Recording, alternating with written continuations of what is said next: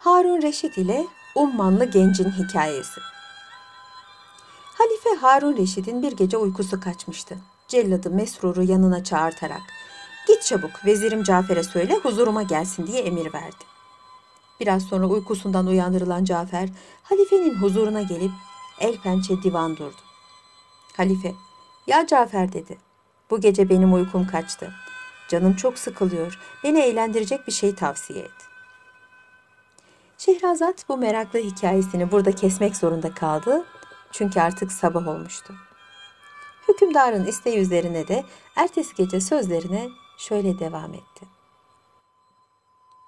971. gece. Vezir halifeye birçok tavsiyelerde bulundu. Harun Reşit hepsini tecrübe ettiğini söyleyince bir müddet düşündü. Sonra Efendimiz dedi. Derler ki üç şey insanın göz ve can sıkıntısını def edermiş.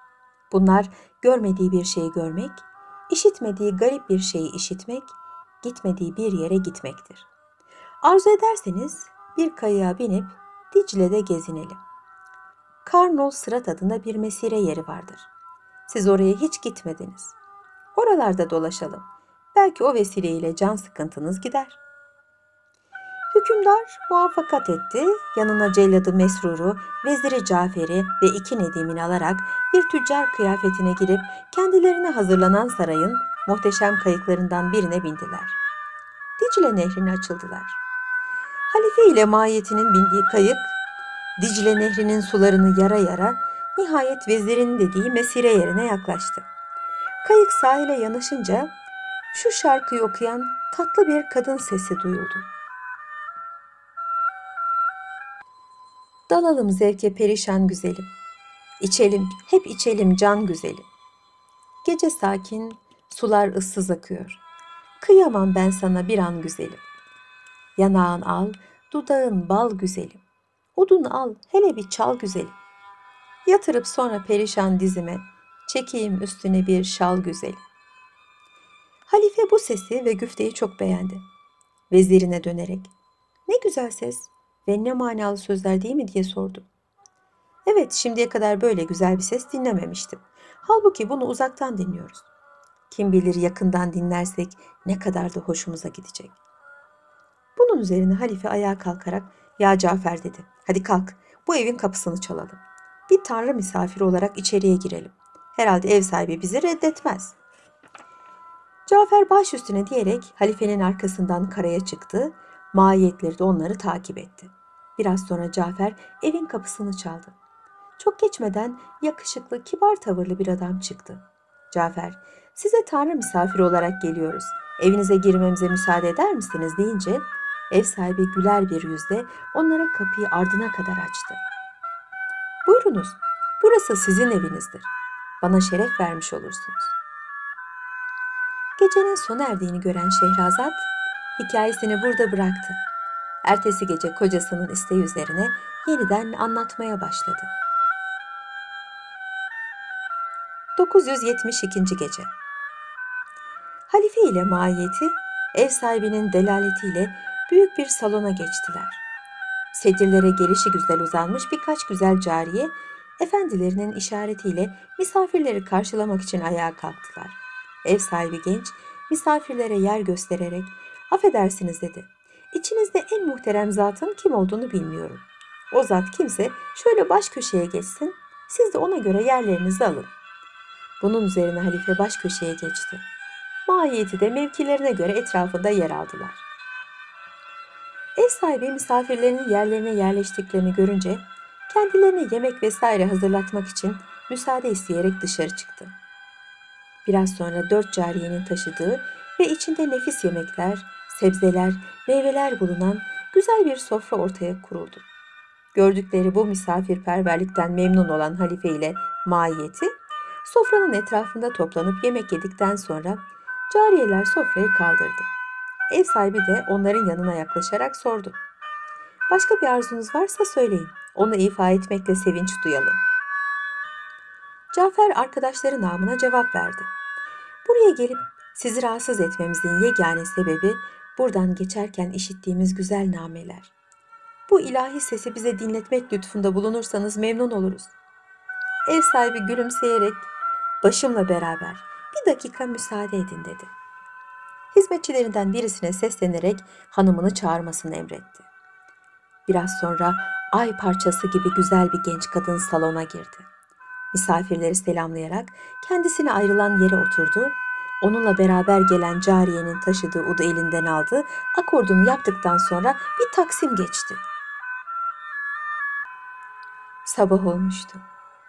Şehrazat gülümseyerek hikayesine ara verdi. Hükümdar masala ertesi akşam devam etmesini istedi. Şehrazat da o akşam tatlı tatlı anlatmaya başladı.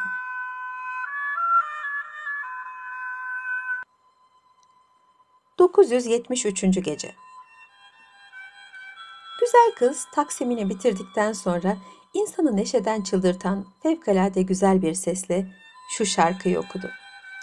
Feleğin kahrı çoksa bizim de neşemiz var. İçeriz, zevk ederiz, daha başka nemiz var.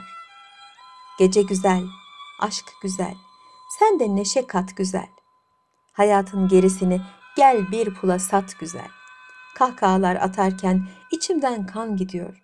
Geçiyor işte günler. Tenimden can gidiyor. Cariye şarkısını bitirince udunu bırakarak ağlamaya başladı. Onun bu halini görenler gözyaşı dökmekten kendilerini alamadılar. Halife başucunda duran ev sahibine bana öyle geliyor ki bu kızcağız sevgilisini kaybetmiş bir sevdazededir dedi. Ev sahibi de hayır efendim anne ve babasını kaybetmiş bir yetimdir onun için ağlıyor. Harun Reşit itiraz etti. Anne ve babasını kaybeden bir kimse böyle ağlamaz. Bunlar sevgili için dökülen gözyaşlarıdır. Muhatabının yüzüne dikkatli dikkatli bakarak ilave etti. Bizim kim olduğumuzu öğrenmek ister misin? Ev sahibinin merak ettiğini anlayan Cafer hemen atıldı. Seninle konuşan zat Halife Harun Reşit'tir. Ben de veziri Cafer'im. Yanımızdakiler de Nedimlerimizdir. Genç ev sahibi şaşırmıştı. Halife sordu. Senin yüzünde bariz bir sarılık görüyorum. Bu eskiden beri var mıydı yoksa sonradan mı oldu? Genç içini çekerek cevap verdi. Benim çok meraklı ve acıklı bir maceram vardır. Başınızı ağrıtmazsam anlatayım. Halife, hayır dedi ağrıtmazsın, anlat. Genç ev sahibi macerasını anlatmaya başladı. Yine sabah oluyordu. Hükümdar masala ertesi akşam devam edilmesini istedi. Şehrazat da yarıda bıraktığı masalına ertesi akşam şöyle devam etti.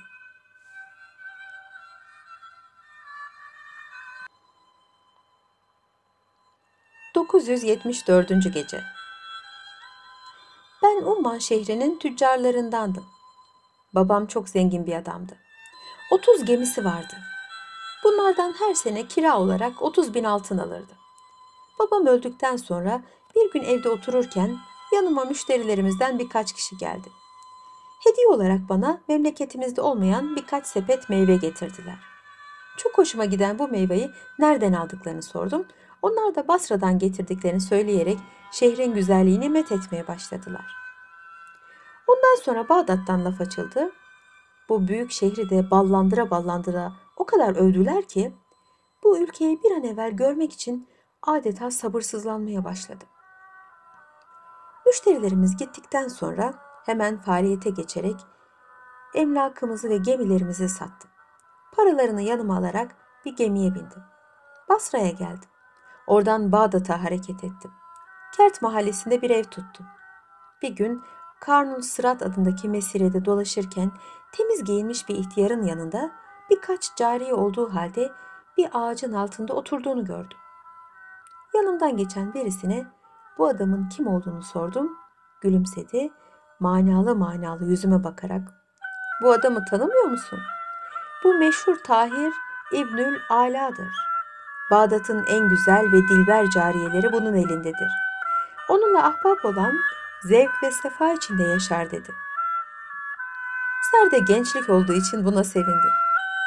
Büyük bir cesaretle yanına gittim. Onu selamladıktan sonra bu gece sizin misafiriniz olmak istiyorum dedim. İhtiyar maksadımı anlamış olacak ki, evlat dedi, masraftan çekinmezsen Ben seni birçok genç ve güzel kadınla tanıştırırım. Onlara misafir olursun. 30 altının var mı? Hemen cebimden bir avuç altın çıkararak içinden 30 altın alıp ihtiyara verdim. Yanında oturan cariyelerden birisini yanıma katarak beni bir eve gönderdi. Orada beni güzel bir genç kadın karşıladı. 40 yıllık ahbapmış gibi benimle konuşmaya başladı. Çok mükemmel döşenmiş olan bu evde o kadınla beraber tam bir ay zevk ve sefa içinde yaşadım. Ondan sonra ihtiyarın yanına gittim. Beni görünce tanıdı. Bu sefer 40 altın ver, seni daha güzel bir cariyenin yanına göndereyim. Orada da bir ay misafir kalırsın. Şehrazat bu meraklı hikayesini burada kesmek zorunda kaldı. Çünkü artık sabah olmuştu. Hükümdarın isteği üzerine ertesi gece sözlerine şöyle devam etti. 975. gece. Gençlik çılgınlıktır derler. Ben de dayanamadım. İhtiyara 40 altını saydım. O da beni uşaklardan biriyle evvelkinden daha muhteşem bir eve yolladı. Ev sahibi kadın çok güzeldi. Yanımda ihtiyarın uşağını görünce beni büyük bir nezaketle karşıladı. Uzatmayalım. Bu kadınla da bir ay yaşadım. İhtiyar böylelikle beni birbirinden güzel birçok kadınlarla tanıştırdı. Ve yanımda getirdiğim paranın mühim bir kısmını da aldım. Bir gün ihtiyarın evinde misafirdim. O gece eğlentileri vardı. Hava sıcak olduğu için geniş damın üzerinde eğleniyordum. Orada ipek bir sedire uzanmış ve bir çocukla şakalaşan harikulade güzel bir kız vardı. Yanımda duran uşaklardan birisine bu kızın kim olduğunu sordum. Bu Ebu Tahir'in kızıdır dedi. 500 altın sayan bir gece ona malik olabilir. Hemen ihtiyarın yanına koştum. Yanımda kalan 10 bin altın ona vererek kızına talip olduğumu söyledim. İhtiyar ertesi gün uşaklarından biriyle beni muhteşem bir konağa gönderdi. Burası ona aitti. Orada kızının beni beklediğini gördüm. İhtiyarın kızı hemen koluma girerek beni çok güzel döşenmiş bir odaya aldı. Önüme mükemmel bir içki sofrası koydu. Bir taraftan bana içki sunuyor, bir taraftan da ut çalarak beni eğlendiriyordu. Kıza adam akıllı tutulmuştum. Onunla günlerce cennet hayatı yaşadım. Nihayet bir gün kendisine, sevgilim dedim, bütün paramı babana verdim. Yarın gelip beni kapı dışarı etmesinden korkuyorum. Kız beni teselli ederek, üzülme dedi. Babamın iyi bir huyu vardır.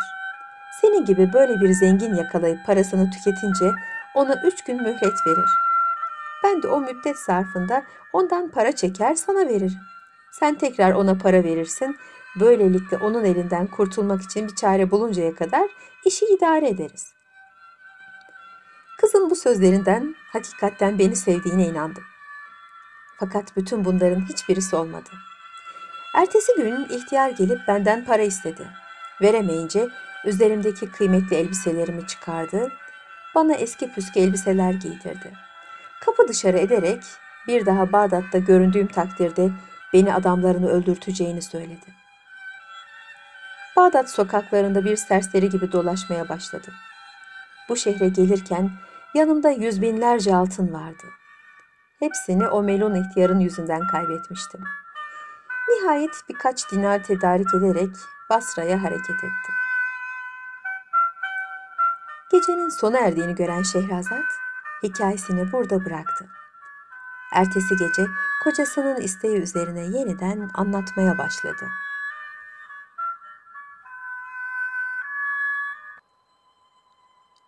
...976. Gece Basra'da evvelce baba dostu olan bir bakkalın yanına katip olarak girdim. Orada bir sene kadar çalışıp yüz altın kadar biriktirdim.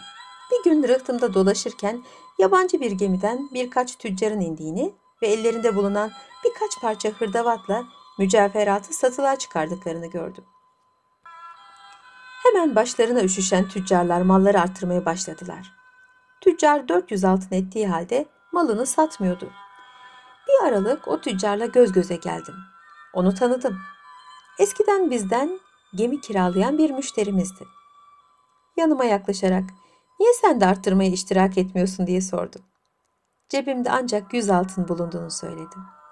Hemen o hırdavatla mücevheratı bana uzatarak ver şu yüz altın, altını bunları al dedi. Vaktiyle sizin sayenizde ben çok para kazandım. Yüz altını verip malları aldım. Mücevheratı ve hırdavatları birer birer satıp onlarla günlerce geçindim. Kala kala yanımda yalnız üzerinde tuhaf yazılar bulunan bir muska kalmıştı. Bunu satmak için birisine gösterdim. 15 dinar verdiler. Satmaya kıyamadım. Birkaç gün sonra parasız kaldım. Ne olursa olsun o muskayı da satayım artık dedim. Çarşıda esnafa gösterirken yanıma kıyafetinden yabancı olduğu belli olan bir seyyah geldi. İlk vahlede bana 50 dinar verince benimle alay ettiğini zannederek sesimi çıkarmadım. Birdenbire teklifini yüz altına yükseltti. Yine ehemmiyet vermedim. Nihayet 20 bine çıkardı. Ben hala işin ciddiyetine inanmıyordum. Etrafımıza adamlar toplandı. Seyyah onlara dönerek, siz de şahit olun. Bu adam bana bu muskayı satarsa 30 bin altın vereceğim. Deyince oradaki esnafın ısrarıyla muskayı verip 30 bin altın aldı. Seyyah muskayı cebine koyarken delikanlı dedi. Buna 100 bin altın isteseydin yine de verecektim. O zaman rengim uçtu. İşte o günden beri yüzümün sarılığı geçmedi. Seyyaha muskanın ne işe yaradığını sordum. Bana bu muskayı vaktiyle Saralı olan Hint padişahının kızı için Babil şehrinde bir müneccime yazdırtmışlardı. Onun sayesinde iyi oldu. Bir gün prenses denizde gezerken muskayı kaybetmiş. Tekrar hastalanınca babası beni o müneccime bir tane daha yazması için gönderdi. Babil şehrine gidince müneccimin öldüğünü öğrendim. Onun benzerini aramak için şehir şehir dolaşmaya başladım. Nihayet sende buldum dedi. Sabah olmuştu. Şehrazat gülümseyerek hikayesini ara verdi. Hükümdar da masala ertesi akşam devam etmesini istedi. Şehrazat o akşam tatlı tatlı anlatmaya başladı.